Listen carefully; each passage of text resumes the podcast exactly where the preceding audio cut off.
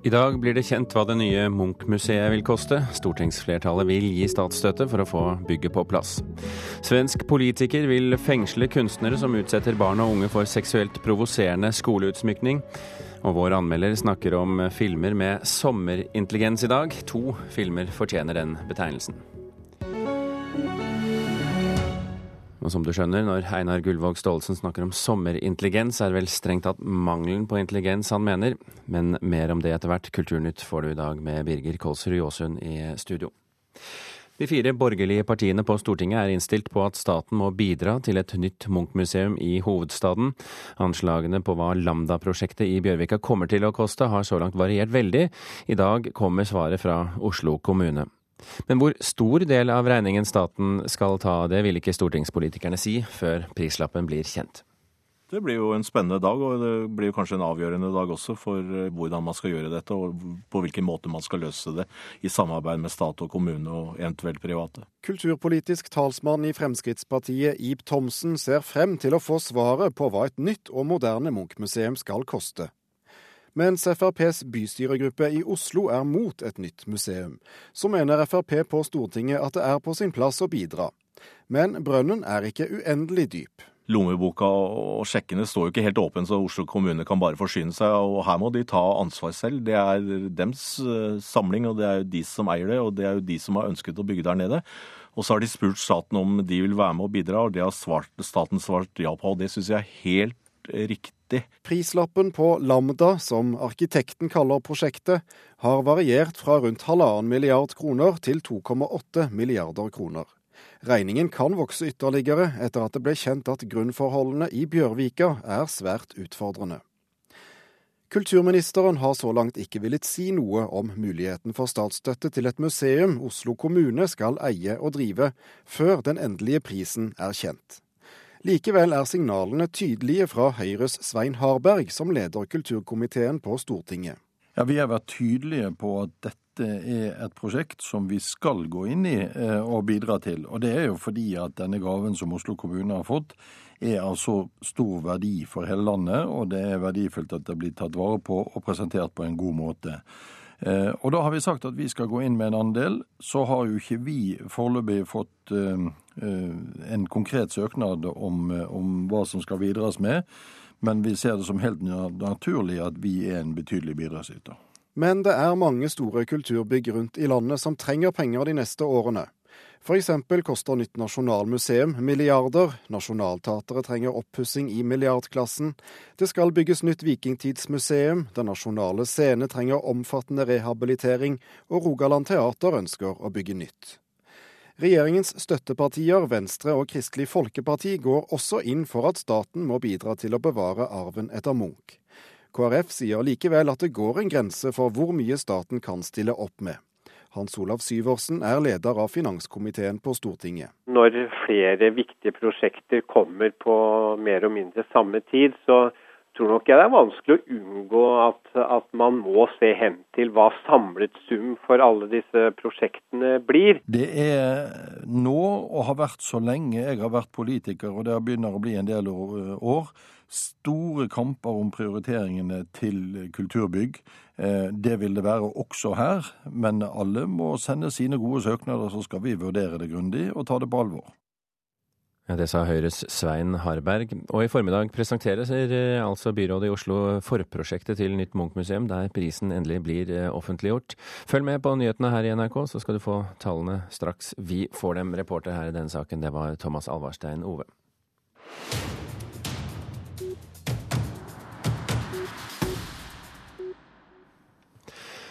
Politisk reklame på fjernsyn vil føre til en avdemokratisering. Det mener Miljøpartiet De Grønne. I Dagsrevyen i går kveld kunne vi høre at regjeringen vil åpne for eh, politisk reklame på fjernsyn ved neste valg. Og Rasmus Hansson, stortingsrepresentant for Miljøpartiet De Grønne, syns du det er en god idé? Jeg syns det er en uh, dårlig idé med politisk reklame i det hele tatt. Vi har uh, heldigvis i Norge uh, svært mange kanaler og fora hvor det kan drives politisk debatt og politisk påvirkning. Og de er likt tilgjengelige for alle, store og små. Det å få politisk reklame på TV er det for det første ikke noe behov for. Og for det andre så putter det da inn en tilleggsfaktor i, i politikken, nemlig at de som har mye penger til å gjøre dyre ting, får en, en ekstra mulighet som blir en vridning i demokratiet, og den trenger vi ikke. Men en vridning i demokratiet er et stykke unna og det du har sagt, at man avdemokratiserer politikken? Ja, men jeg kan uh, gjerne stå for begrepet å avdemokratisere politikken. Det er altså uh, slik at uh, TV-reklame er veldig dyrt. og dyrere blir det når etterspørselen blir stor. Og det betyr at uh, man da får uh, en situasjon hvor penger betyr mer enn uh, politisk budskap og politisk plattform. og det er avdemokratisering, og det trenger vi ikke. Kårstein Eidem Løvaas i familie- og kulturkomiteen for på Stortinget for Høyre. Frykter du en avdemokratisering som følge av politisk reklame på TV? Eh, nei, det gjør jeg ikke. Og når vi hører eh, Rasmus Hansson fra Miljøpartiet De Grønne nå, så, så er det jo litt sånn jeg hadde nær sagt autopilot. altså Nok et område som skal reverseres. Eh, han vil jo politisk reklame til livs som sådan, hørte vi. I tillegg til at han syns det er en dårlig idé å ha det på TV. For oss handler det mer om, om to viktige prinsipper. Det handler om likebehandling. Altså hvorfor skal det være lov å vise en politisk reklamefilm på VGTV, men ikke på TV 2. Og så handler det selvfølgelig om eh, ytringsfrihet. At eh, man også på denne arenaen skal få lov å målbringe de meningene man selv har lyst til. Men eh, poenget med at det er eh, de eh, tunge aktørene, de med mest penger, som klarer seg best i dette feltet, hva tenker du om det? Nei, jeg tenker om det, Hvis vi går tilbake til forrige valgkamp, for det er jo fortsatt lov da, i alle fall foreløpig, med politisk reklame på radio, så så vi hvem det var som brukte penger på det i valgkampen. Og det var jo ikke sånn at noen aktører kjøpte opp og blokkerte for de andre. Det var faktisk ganske lite politisk reklame på, i radiolandskapet forut for valgkampen. De som var mest aktive, var jo LO, som brukte kontingentpenger på å fortelle hvilken regjering man burde, burde, stemme på. Dette er nok en litt sånn konstruert problemstilling fra, fra Miljøpartiet De Grønne. Rasmus Hansson, ser du problematikken i at det er lov til å sende politisk reklame på VGTV, men ikke på TV 2? Altså, det finnes jo eh, gråsoner her som andre steder. Hovedpoenget er at uh, dette har jo ingenting med ytringsfrihet å gjøre. Uh, for ytringsfriheten er aldeles utmerket ivaretatt uh, gjennom alle de mediekanalene og, og, og, sosiale medier og andre fora og arenaer som er tilgjengelig for alle. Det som altså er forskjellen, eh, er om det er gratis å ytre seg, eller om det, man må betale for å ytre seg. Eh, og det er den forskjellen som jeg syns vi skal være opptatt av i Norge. Jeg er for helt enig i at det er ikke noe stort problem her og nå. Men, men, alle skjønner jo at det er en meget vesentlig prinsipiell forskjell mellom, eh, mellom gratis, gratis, ytringsmuligheter og eh, ytringsmuligheter som er reservert de som kan betale mye for dem. Løvaas, eh, hva med alle de mindre partiene som ikke har så sterk kjøpekraft? Vi kan jo nesten si Miljøpartiet her, da. Eh, som da aldri vil kunne få lov til å hevde seg på TV fordi de ikke har penger. Men denne forskjellen vil man kunne bringe inn i, på alle arenaer. Akkurat som en helside i VG er dyrere for et parti med mindre budsjetter eh, relativt sett enn det er for et parti med større budsjetter. Så den, den diskusjonen blir, ja, det blir, blir, på en måte en liten blindgate. fordi at det, det er nå engang sånn det er, da, at vi har forskjellige arenaer å ytre oss på på. Vi husker også fra, Hvis vi går helt til gratisarenaen, så husker vi også fra forrige valgkamp at eh, de små partiene eh, de eh, var relativt hyppig ute og kritiserte de fikk for lite taletid, de var for lite synlige, de var for lite til stede, også i den redigerte debatten. Så, så her, er jo, her, er det jo, ikke størrelsen på partiet som avgjør. Her er det jo, er det jo hvilke meninger du bringer til torgs, og hvilke arenaer du velger å, å målbære meningene dine på. Men Løvås, Løvaas, altså hvis du på den ene siden ikke får redaksjonell omtale, og heller ikke har råd til å betale TV-reklame, så kommer man jo veldig dårlig ut av det. Men sånn er nå engang demokrati, da. Og, og like det eller ikke like det, så, så er det, jo ikke, det er jo ikke nødvendigvis en rettferdighet i det. Men poenget er at det er like muligheter. Og eh, akkurat som Miljøpartiet De Grønne har da klart, beundringsverdig nok, å eh, stige opp fra en relativt ukjent tilværelse, og nå da får masse oppmerksomhet, så er det, det viser jo nettopp styrken ved demokratiet demokratiet. Og det var jo ikke, var ikke slik at, politisk, eh, eh, altså lov, at, det var lov med politisk reklame på radio som var et hinder for at Miljøpartiet De Grønne eh, var en relativ suksess. Så jeg, mener, som jeg sa i sted, at dette er en litt konstruert problemstilling. Her er det likebehandling. Jeg og Høyre forstår ikke hvorfor det skal være forskjell på TV 2 og, og VGTV. Og det er ytringsfrihet. Og de som ønsker å snakke uavbrutt i en reklame, de må få lov til det også. Rasmus Hansson, nå er det jo slik at vi nærmer oss et sted hvor den unge delen av befolkningen forholder seg Eh, nesten utelukkende til nett, og den gamle til de gamle mediene som TV og radio. Um, ved å forby uh, reklame på TV, vil du ikke da skjevfordele også i forhold til uh, befolkningen rent demografisk? Det tror jeg ikke er noe vesentlig problem. Eh, og hvis utviklingen går i den retningen som du beskriver, eh, at folk også holder opp å se på TV, så blir kanskje problemet litt mindre. Eh, fordi i hvert fall så lenge Nei, men Det betyr jo at de unge, de unge, kan få politisk reklame på det, det bildemediet de velger, mens de gamle får det ikke. Ja, ok. Sånn sett. Altså, den, den, den typen vridninger klarer man på en måte aldri å regulere seg unna. Det som eh, altså, jeg gjentar som er vårt poeng, det er eh, at det er sunt og fornuftig eh, å sette en grense ved ytringer som er reservert de som kan betale mye for dem. Og TV skiller seg jo foreløpig ut fordi det er så usedvanlig dyrt å drive TV-reklame. Og det har veldig stor påvirkningskraft, usedvanlig stor påvirkningskraft på de gruppene det treffer. Derfor syns jeg det er meget fornuftig å reise den debatten øh, om igjen. Og fordi det, det, det er... endrer eh, spillereglene for, eh, for deltakere. Og, den, og, denne debatten er nå reist. Vi må runde av her, så får vi ta den ved, opp igjen ved en senere anledning. Rasmus Hansson fra Miljøpartiet De Grønne og Kårstein Eidem Løvaas fra Høyre, tusen hjertelig takk for at dere var med i Kulturnytt. Thank you.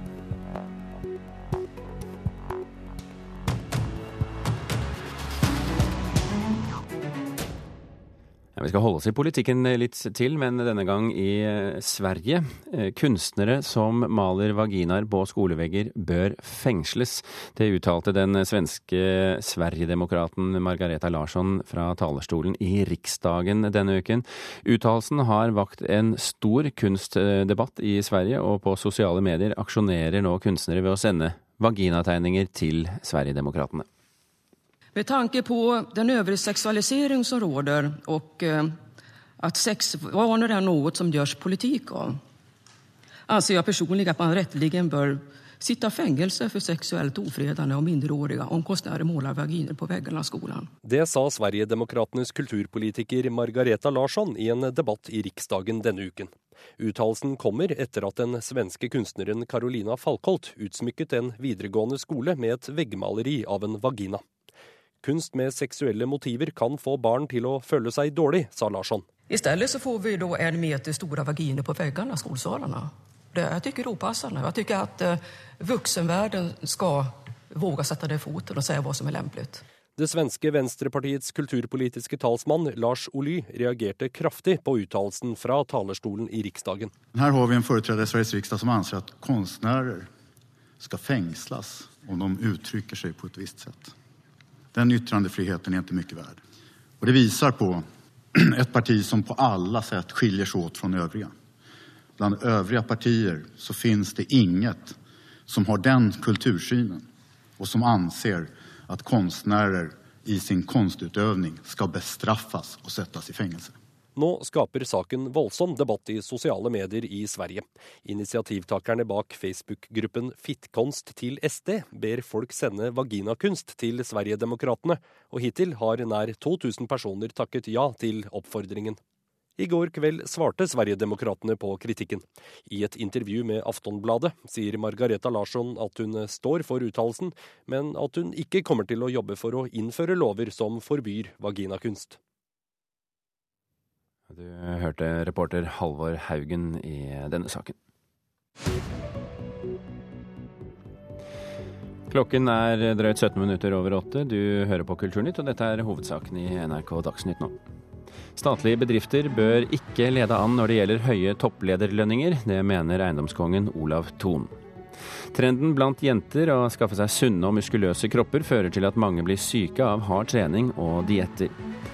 Og ekspertene tror Norges Bank skyver renteøkningen ut i tid nok en gang i dag.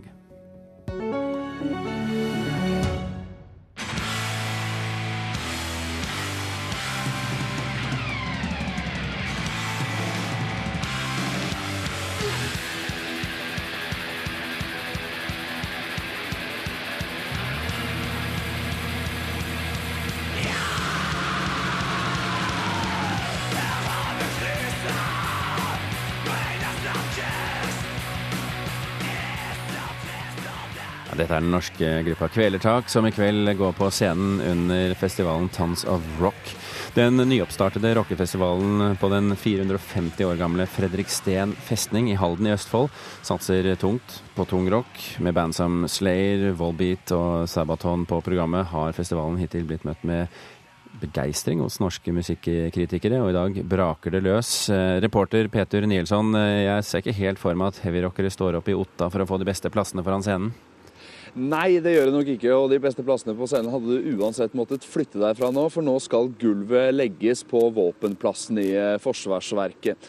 Og dette forsvarsverket som vi, vi står og titter utover plassen og ved siden av en uh, svær kanon, uten at jeg skal prøve å sette noe årstall på den, så er den fra den gangen du måtte sikte med øyemål, i hvert fall. Uh, som ser utover uh, plassen her. Dette forsvarsverket forsvarte i sin tid Norge mot Karl 12.s invasjon. Og festivalsjef eh, Svein Bjørge, skal du forsvare Norges ære mot eh, Sweden Rock eh, og andre festivaler på andre sida av grensa? Nei, det har ingenting med det å gjøre.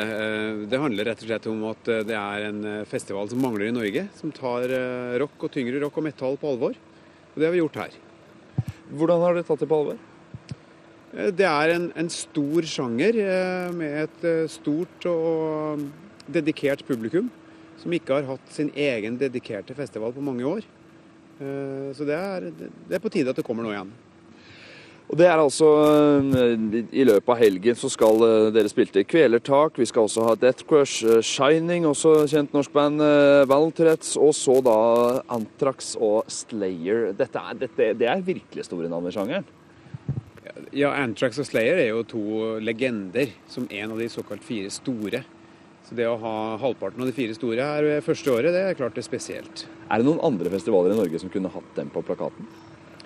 Ja, det er det helt sikkert. Eh, Slayer spilte på Øya i fjor, så det er ikke det. Men altså, det er jo samlinga av eh, rock- og metallartister som gjør Tons Rock unikt.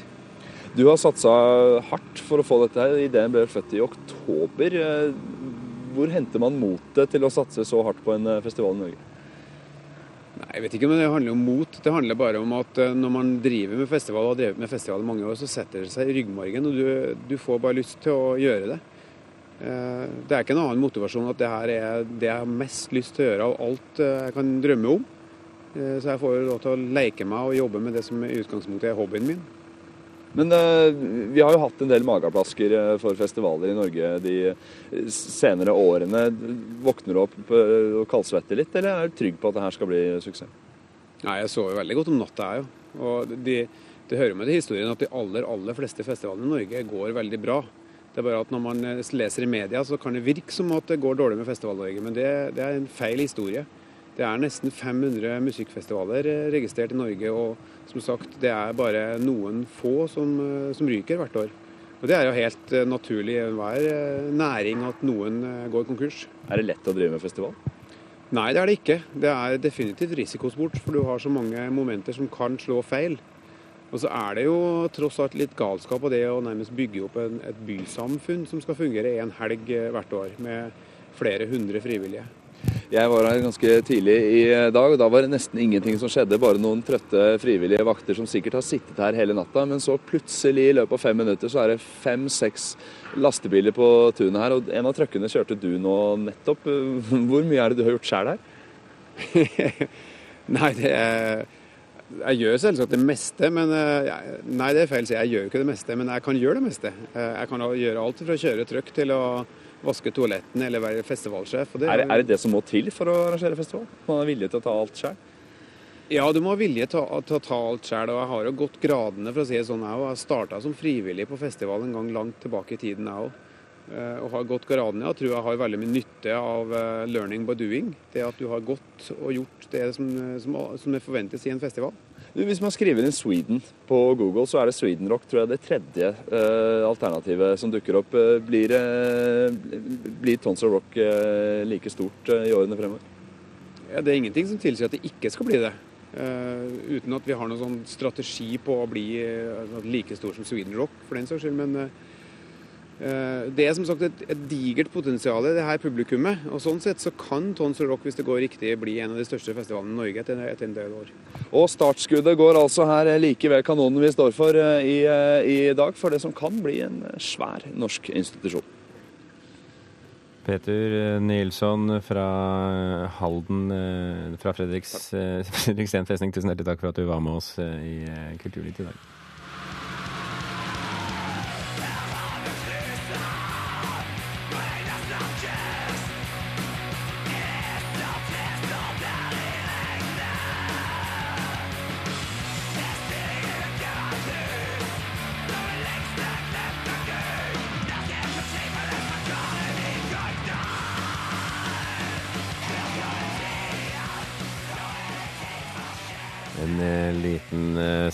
Til fra Kvelertak. Dette er altså det du kan forvente bl.a. Eh, på festivalen i, i Østfold i kveld.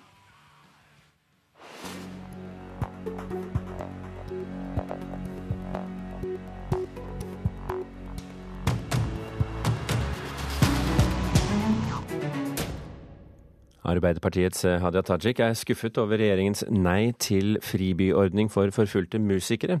Norge har en fribyordning for, som gir forfulgte forfattere oppholdstillatelse, men eh, som vi fortalte i gårsdagens Kulturnytt, så ønsker ikke Justisdepartementet å utvide ordningen til også å gjelde musikere. Det burde det vært eh, fordi det er et stort behov for en slik ordning, mener Tajik.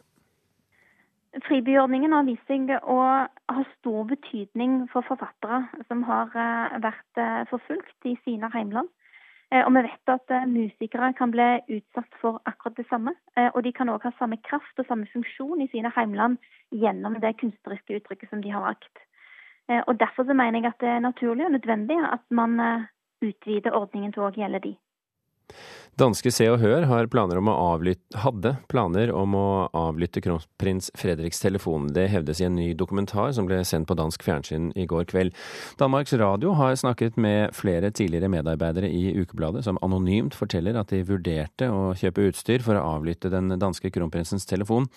Politiet vil ifølge DR ikke kikke nærmere på opplysningene, og Aller Medias administrerende direktør Pål Tore Krosby skriver til DR at han ikke har kjennskap til saken, og at han tar sterk avstand fra ulovlige metoder. Italienske myndigheter ber om hjelp til å redde Neros gylne hus.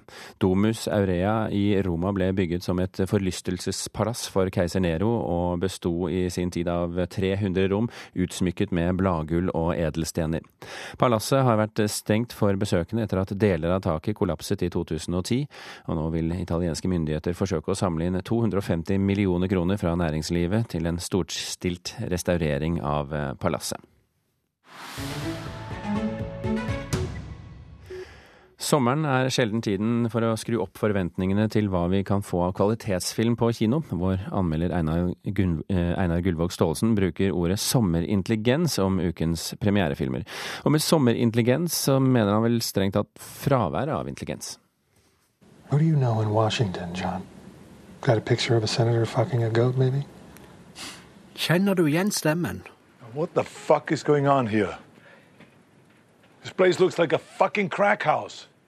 Det er østerrikeren som pumpet jern i oppveksten og ble actionstjerne i Hollywood og fortsatte som forretningsmann og guvernør, og nå er kommet tilbake til muskelfilmene. Her i Sabotasje. Arnold Alois Schwarzenegger. Han har nok mer inne enn det han har vist på lerretet. Han viser det ikke nå heller i sin andre filmkarriere. Nå viser han at han ikke kler å være tøffest lenger. Han er stivere og mindre smidig og mye langsommere, og er avhengig av en god filmklipper som kan skjule at noen aktiviteter har en aldersgrense. Spillet hans har aldri imponert. Nå er det ikke det det står på.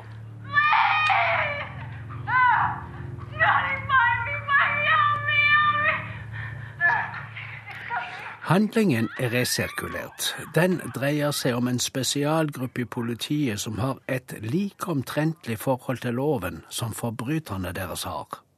Etterforskerne har en tendens til å beregne seg finnerlønn. Fremgangsmåten er for grov til at det kan kalles korrupsjon. Slikt prøver altså tidligere guvernør Schwarzenegger å underholde oss med. Den andre premierefilmen med sommerintelligens heter That Awkward Moment. Women's brains lit up like fireworks when they were showed pictures of shoes. Shoes. Hvis vokabularet er fuck, pussy, dick, shit og hooker og tilsvarende, og det ikke er satt aldersgrense, kan du trekke dine slutninger. Da er filmen mer flau enn frekk. In her defense, we'd been having sex like once a week for six weeks. I'm so late for work. But in my defense, that's a hookup, approaching the seeing stage. Denne filmen er dessuten ordrik. Bildene forteller så lite at filmen trenger ordene. Så er det en film med medhårsmusikk. Skuespillet er ikke så verst. Det er bedre enn gjennomsnittet av filmer for de dovne dagene. Fucking idiots. Idiots. I know.